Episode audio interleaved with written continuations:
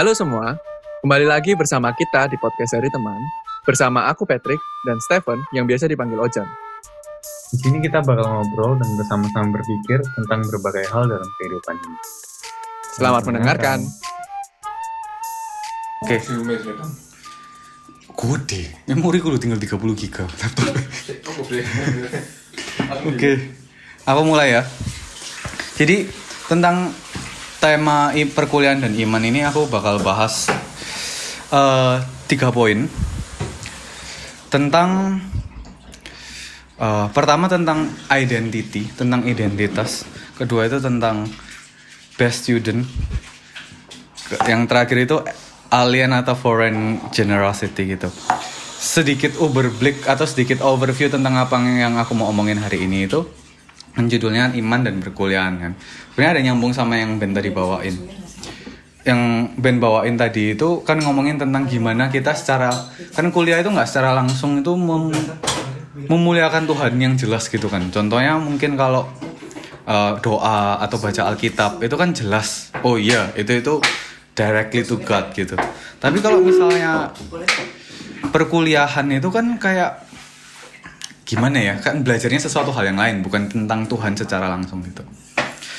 Oke, pertama untuk mendasari uh, pembicaraan ini, aku mau bersama-sama ngerenung dari satu ayat aja. Itu itu dari Galatia 3 ayat 26 ada yang mau buka dan membacakan? Galatia 3 ayat 26.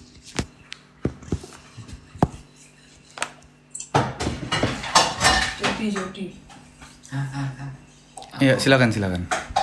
Sebab kamu semua adalah anak-anak Allah karena iman di dalam Yesus Kristus. Jadi, ya, sebab kamu semua adalah anak-anak Allah karena iman di dalam Yesus Kristus. Yang aku mau tekenin di sini itu kita adalah anak-anak Allah di dalam Yesus Kristus. Karena iman di dalam Yesus Kristus. Jadi, kalau misalnya ngomong tentang perkuliahan, hmm, pertama tentang ngomong identity gitu. Kalau kalian kepikir dengar kata identity apa yang kepikir guys? Identitas. Apa? Kartu. Kartu, oke. Status. Status. Yang di Zoom mau jawab juga boleh. Sama. jadi diri Jadi diri sendiri. jati diri Jadi diri. Eh.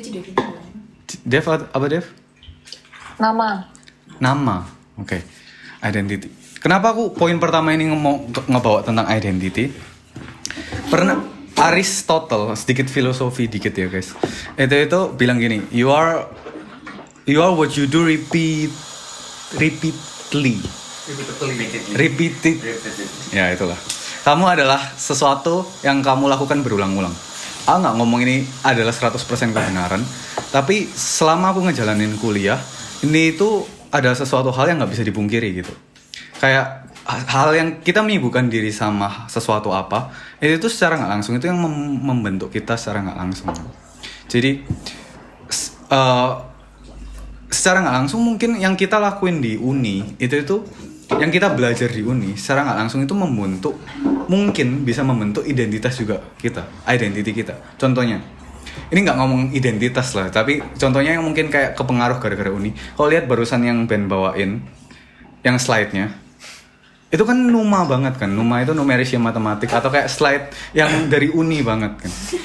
Itu bukan ngomong identitasnya menjadi kayak gitu. Cuma itu kan secara nggak langsung dari apa yang dilihat apa yang berulang-ulang kali dilihat terus jadi juga ditiru gitu kan. Nah eh, bahayanya ketika secara nggak sadar atau secara nggak eh, aware kalau kita itu membuat uni atau sekolah itu jadi identitas kita itu itu jadi identitas itu kan siapa kita kan ya? Jadi misalnya kalau misalnya siapa kita maka tergantung kalau misalnya uni perkuliahan parameternya itu nilai jadinya. Jadi kalau misalnya nilainya bagus kita merasa kita orang yang apa ya eh, superior. Tapi kalau misalnya parameternya karena nilai kalau nilainya kita jelek atau bahkan kita nggak lulus beberapa kali itu itu kita jadi identity kita jadi kayak aku I'm a fail person gitu. Enggak itu aku mendukung. jadi jadi jadi dari pertama bahayanya kalau misalnya kita terjebak dalam yang poin pertama eh, yang kita lakukan terus menerus itu secara nggak langsung membentuk kita itu tuh bisa juga ada yang di uni- universitas itu. Jadi mungkin kita sabtu oh yang ngomong tentang iman ngomong tentang oh aku percaya Tuhan aku anak Tuhan aku PA dan lain-lain. Tapi waktu di sekolah kita atau waktu di kuliah kita secara nggak langsung itu karena kita ngelakuin itu terus menerus kita itu mungkin secara nggak sadar membuat uni kita itu identitas kita. Atau kalau uni kita identitas kita ya secara nggak langsung ya nilai itu jadi parameternya. Karena kan misalnya kalau di PRK perkenalan itu kadang-kadang kan tanya statusmu apa? gitu kan. Terus banyak yang bilang pelajar. Tadi kan ada ngomong identity itu itu status juga makanya ketika statusnya itu pelajar parameternya ya jadi nilai. Sama juga nanti bakal juga ke pekerjaan juga. Ketika statusmu apa? Misalnya kayak engineer atau researcher atau apa pun itu parameternya akan ya hal-hal yang ada di pekerjaan itu. Misalnya contoh eh, pujian dari atasan. Atau misalnya contoh dari setiap rapat itu rapatnya berhasil atau enggak ya? Atau kayak mimpin rapatnya itu projectnya itu berhasil atau enggak ya? Nah ketika taruh identitasnya di sana dua volpits itu dua volpit yang eh, bakal ada itu itu ya tadi. Ketika good ketika good misalnya kayak sekolah ataupun pekerjaan kalau kita excel di sana kita jadi orang yang sombong. Kita merasa karena identitas kan identitas kan siapa diri kita? Jadi kita merasa oh aku bisa di segala hal gitu. Padahal kan cuma kita excelnya sebenarnya di uni. Belum tentu kayak misalnya hal yang lain sebenarnya kita excel juga. Tapi karena kita menaruh identitas kita di sana kita jadi merasa kita orang yang superior. Aku kasih contoh diriku ya. Waktu aku di Eva eh, aku waktu bachelor ya nilaiku lumayan ya bagus. Ya kadang-kadang bagus ada cuma bagus pol sampai bagus terus ya ya oke lah pokoknya di atas rata-rata tapi di sana aku tuh jadi ngerasa orang yang superior atau aku ngerasa pinter. Ketika aku pulang Indo terus habis gitu kan mamaku ada les-lesan Jerman. Ditanyain gitu gimana sekolah di Jerman? Aku selalu jawab gini ya biasa-biasa aja sih kalau belajar ya bisa gitu. Nah aku merasa orang yang apa ya oh aku merasa orang yang oke gitu aku merasa orang yang pintar dan dari sana ketika ngomong sama orang masuk juga eh, dalam hal musik masuk juga dalam hal kerohanian kayak apa ya aku jadi merasa oh am eh, apa ya ngomongnya aku ya, kok ngomong Superman kok lebay ya maksudnya aku orang yang Capable. Ya capable betul. Aku orang yang capable. Karena aku taruh diriku di identitasnya di uni. Terus di uni pun toh nilai-nilaiku bagus gitu. Nah, mulai masuk master ya kan, masuk RWTH. Aku di ada di volpit yang kedua. Aku karena naruh identitasku masih di uni. Nah, waktu nilai-nilainya nggak bagus, terus habis gitu, aku udah belajar kok nggak bisa. Karena ketika aku naruh identitasku di sana, aku jadi miserable karena I'm a fail person jadinya. Jadi identitasku itu itu fail. Karena aku nggak berhasil. Jadi siapa aku terus? Kalau misalnya aku karena nilai itu nilainya kan nggak lulus atau gagal. Aku ngomong tadi aku pernah sampai Virte versuh karena fly versuh. Terus kok ya tetap nggak bisa gitu. Jadi kan I'm not a capable person. Aku orang yang serendah-rendahnya. Buat apa aku hidup terus kalau misalnya identitasku itu orang yang gagal gitu. Nah, balik lagi karena kita renungin yang di ayat Galatia 3 tadi ayat 26. Aku kasih background dikit lah ya Galatia supaya nggak asal comot Alkitab aja. Galatia itu kan ngomongin tentang orang-orang di Galatia itu eh balik lagi ke hukum Taurat gitu, balik lagi ke performance lagi. Nah ini juga mirip juga dengan apa yang kita bahas hari ini. Mereka naruh identitasnya di apa yang mereka lakuin. Jadi makanya Paulus saya marah Paul kayak, ih kamu harus denger Injil gila tuh balik lagi. Ya lebaynya kayak gitu. Eh, Karena kamu itu diselamatin bener-bener cuma sebenarnya gara-gara iman. Dan makanya ini dibalik Paulus nekenin apa identitas mereka lagi. Mereka identitasnya itu bukan di melakukan hukum Taurat atau mengikuti hukum-hukum Musa.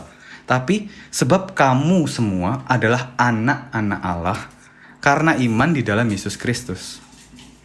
Jadi identitas kita sebagai yang ngomong tentang iman dan perkuliahan, kita itu adalah anak-anak Allah. Eh, nah, ketika kita identitasnya anak-anak Allah, bukan berarti terus habis gitu, oh ya udah, kan parameternya kalau misalnya di dalam Injil ya, the gospel menurutku eh, eh, menyatukan semuanya. Kalau di dalam Injil kan ketika kita itu anak-anak Allah, kan kita pasti yang kepikir ya, aku pikirnya. Oh ya, kita udah dikasih Tuhan sebegitu mengasihinya dia sampai datang ke manusia. Ya udah kita nggak usah ngapa-ngapain ya. Pakai kata-kata Paulus yang di Roma, by no means, sekali-kali tidak gitu. Terus implikasinya apa kalau kita itu identitasnya anak-anak Allah? Ada dua poin, dua poin terakhir yang aku mau bawain. Satu poin pertama, kita harus jadi best student. Best student dalam arti bukan 5% RWTH atau nilainya paling bagus. Tapi tapi kita itu tapi kita harus jadi the most hardworking uh, student yang ada di uh, ya di ya di hidup. Nggak nggak seluruh di dunia lah ya. Tapi di hidup kita kita harus jadi the best bukan dalam parameter uh, nilai tapi the best dalam parameter. Karena kita sadar kita itu anak Allah. Nah kita renungin dengan kata-kata anak Allah. Oh kita bilang kita anak-anak Allah kan ngomongin tentang kalau kita anak-anak raja siapa aja atau anak saya anaknya siapa ya saya anaknya Jokowi gitu. Kan kita ya harus otomatis behave like anaknya Jokowi kan. Ketika kita bilang anak-anaknya Allah dan kita doa Bapa kami yang di surga dikuduskanlah namamu maka kita juga harus menjadi the most hardworking person yang kita bisa ya tentu. Aku nggak taruh pressure ke kalian terus kayak kamu belum studinya kurang kerja keras gitu enggak. Cuma kita harus bisa mungkin menjadi sekolah itu se the best student. Bukan dalam arti nilai tapi ya semampu yang kita bisa. Kenapa? Karena kita identitasnya anak-anak Allah itu tadi. Terus habis gitu hmm, karena menurutku yang aku selalu mikir ketika kita aku bayangin kita kan anak-anak raja lah ya dalam kata, kata kata lain yang kita bisa lebih bayangin anak-anak raja kan atau anak-anak bos gitu. Kan kita bayangin ya wes tau enak. Ya tidur tiduran di istana jalan-jalan. Terus habis gitu mungkin ya pesta-pesta atau ya uangnya kan hartanya berkelimpahan. Tapi apakah kayak gitu? Kalau misalnya lihat uh, sedikit dom- dokumenterinya dari Lady Diana sama anaknya Prince William atau ya kalau lihat sejarah Prince mana pun itu hidupnya itu sebenarnya tertekan banget. Karena semua itu dilihat dan mereka itu harus perform atau ya kayak mewakili mereka itu salah satu tanda kutip simbol negara gitu kan. Sama juga kalau misalnya kita bilang kita identitasnya anak-anak Allah kita kan tanda kutip kayak Kristus Kristus kecil atau wakil-wakil Kristus.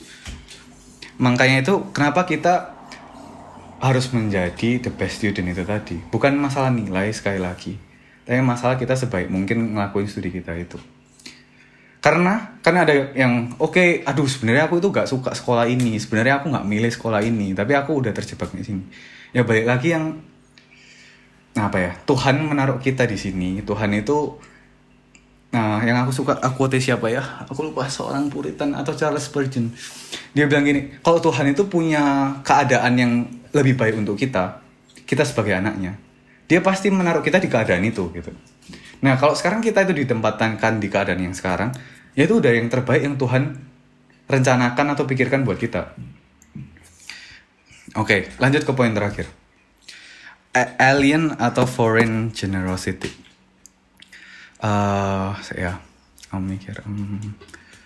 oke okay, uh, alien atau foreign generosity? Aku mau sekarang kalau kita bilang kita itu anak-anak Allah yang poin pertama tadi kita harus uh, menjadi pelajar yang baik atau menjadi student yang baik uh, yang kedua alien atau foreign generosity tadi Devina kan nyinggung dikit tentang bersaksi kita harus jadi anak-anak raja yang menunjukkan juga gimana Allah kita itu bersifat Allah kita.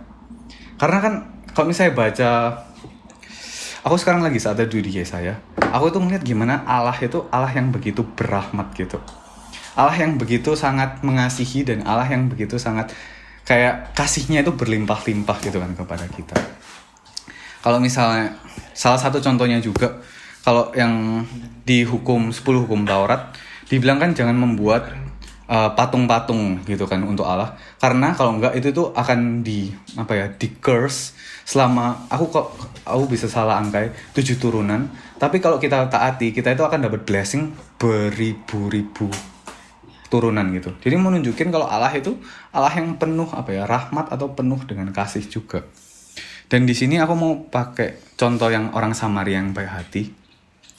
Kalau misalnya lihat dia, ya baca aja yuk bentar. Eh, Lukas 10 ayat 25 sampai 37.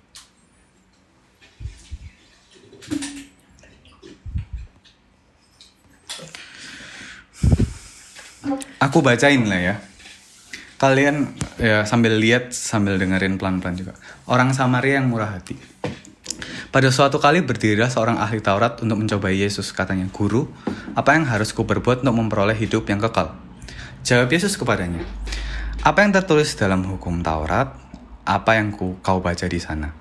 Jawab orang itu, kasihlah Tuhan Allahmu dengan segenap hatimu, dan dengan segenap jiwamu, dan dengan segenap kekuatanmu, dan dengan segenap akal budimu, dan kasihlah sesamamu manusia seperti dirimu sendiri.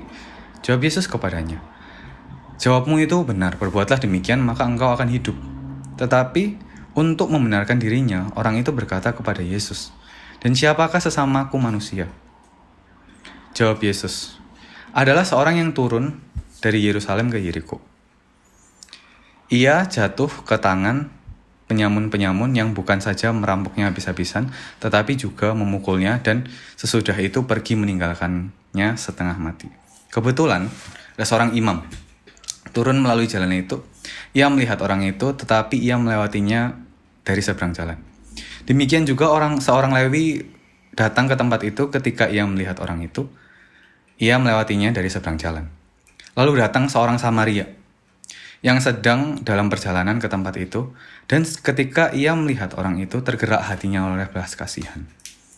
Ia uh, pergi kepadanya, lalu membalut luka-lukanya. Sesudah ia menyiraminya dengan minyak dan anggur, kemudian ia menaikkan orang itu ke atas keledai tunggangannya sendiri, lalu membawanya ke tempat penginapan dan merawatnya. Keesokan harinya, ia menyerahkan dua dinar kepada pemilik penginapan itu. Katanya, rawatlah dia, dan jika kau belanjakan lebih dari ini, aku akan menggantikannya sewaktu aku kembali. Siapakah di antara ketiga orang itu, menurut pendapatmu, adalah sesama manusia dari orang yang jatuh ke tangan penyamun itu? Jawab orang itu, orang yang telah menunjukkan belas kasihan kepadanya. Kata Yesus, pergilah dan berbuatlah demikian. Kenapa poin terakhir aku mau ngomongin tentang foreign atau alien generosity? Jujur, kuliah di Jerman itu dingin orang-orangnya. Aku nggak tahu pengalaman kalian gimana, tapi pengalamanku kayak gitu uh, orang-orangnya individualistik. Orang-orangnya itu ya cuma kok kerja kelompok ya peduli terhadap apa yang penting tugasnya gitu. Ya aku juga kayak gitu sih. Cuma uh, aku ngajak kita sebagai iman dan perkuliahan salah satu cara untuk menginjili atau nggak nggak harus menginjili salah satu cara untuk menunjukkan kita itu identitasnya adalah anak-anak Allah. Ya kita mengasihi seperti kasih yang aneh atau kasih yang nggak normal itu atau kasih yang asing di tengah keadaan uh, pertemanan atau perkuliahan di uni yang sebenarnya itu dingin. Contohnya gini, aku kan akhir-akhir ini itu lagi zoom gitu kan. Nah, kalau zoom, kalau habis dibagi kelompok, semua itu nunggu cuma untuk ada yang buka ngomong. Kalau enggak itu cuma kalau di uh, satu kelasku ya paling enggak. Kalau enggak semua itu cuma nama-nama doang gitu. Nah, ya aku coba setelah itu untuk selalu kayak ya karena udah kebiasaan di pergi juga kali ya. Kayak untuk ngajak ngomong kayak kayak gimana kalian terus habis itu kayak nyalain kamera dulu dan lain-lain. Aku bukan mau membanggakan diriku aku orang yang mengasihi. Tapi aku ingin mengajak kita masing-masing juga untuk di setiap kesempatan-kesempatan yang ada di kelas-kelas kita di kerja kelompok yang kita punyai atau di Ainfah di ubung-ubung atau apa pun itu kita menunjukkan kasih yang asing bagi orang itu. Bukan kasih yang aneh ya bukan kasih yang kayak tiba-tiba, woi di apa ya masuk kelas terus kayak chatting semuanya, God bless you all atau apa gitu, ya mungkin. Tapi aku menunjuk mungkin buat aku yang personal itu lebih uh, kena sasaran gitu. Jadi ya gimana kalau misalnya kerja kelompok, apa kita orang yang truly care about the person gitu, apa kita menunjukkan kasih yang benar-benar kepada orangnya, apa kita juga peduli nggak cuma terhadap tugasnya, tapi juga uh, pingin ngajak makan orangnya atau pingin kenal orangnya secara personally juga. Karena balik lagi kalau kita bilang tadi kita identitasnya itu adalah anak-anak Allah maka ya kita kenal nggak sih Allah kita sebenarnya?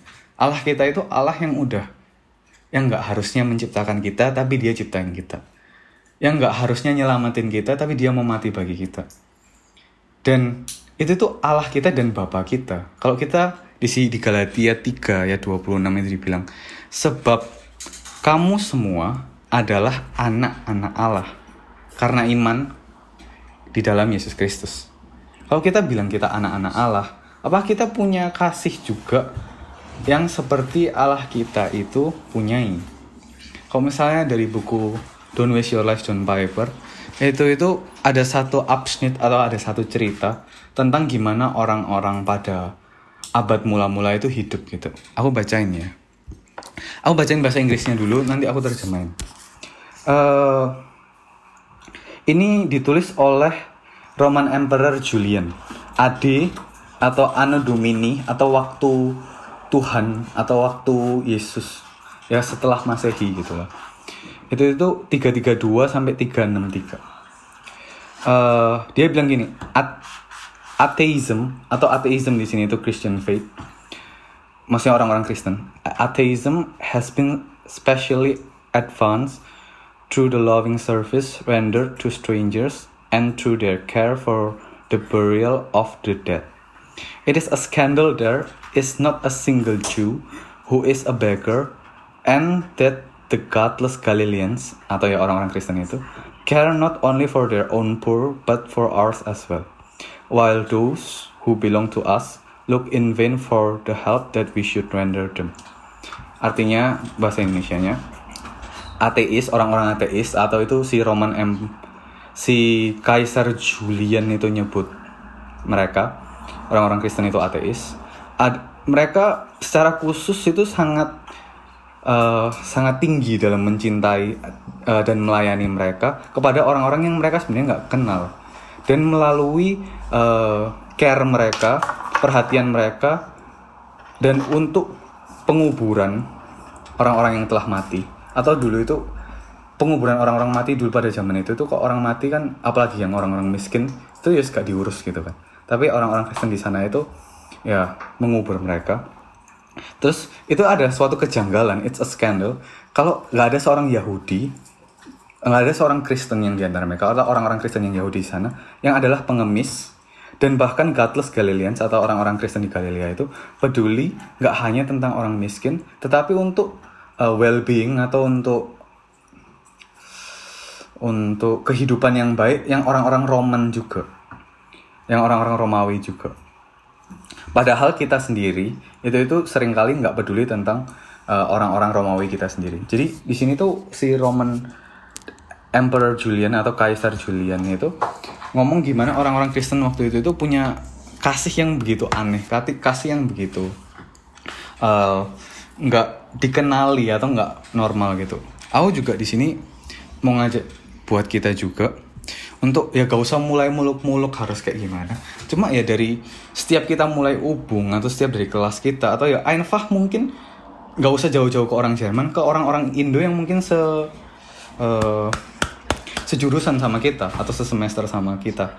Untuk kita itu menunjukkan kasih. Ya kita menunjukkan kalau kita itu identitasnya adalah anak-anak Allah. Gimana orang itu mau melihat Allah? Kalau mereka melihat kita, ki- mereka nggak melihat ada identitas anak-anak Allah di dalam diri kita. Terus, ya aku akhiri dengan kata-kata kayak gini. Kita tahu kalau kita anak Allah dan kita hidup sebagai anak Allah itu itu dua hal yang berbeda. Kita belajar kalau kita itu anak Allah sama kita benar-benar hidup kalau kita ada anak-anak Allah itu itu dua hal yang berbeda. Aku Cusaman Fasen. Pertama aku ngomong tentang identitas. Seringkali ah, yang Aristotle suggest tentang you are what you repeatedly do atau kamu adalah ah, yang kamu lakukan berulang-ulang itu sering kali mungkin ada kebenaran juga bukan whole truth ya tapi ada benarnya juga di sana karena kita spend time banyak waktu tentang belajar tentang kuliah secara nggak langsung itu membentuk identitas kita dan parameternya mungkin jadi nilai untuk kita melihat diri kita siapa tapi nggak kata Alkitab Alkitab bilangnya kita itu adalah anak-anak Allah melalui iman karena iman di dalam Yesus Kristus kalau kita percaya kepada Dia. Identitas kita itu anak-anak Allah. Implikasinya apa? Pertama, kita harus jadi the best student, bukan jadi nilai yang terbaik, tapi jadi a hard working student. Dan yang kedua, gimana kita aku ngajak kita juga untuk show some foreign atau alien generosity itu juga. Untuk kita menunjukkan identitas kita itu siapa.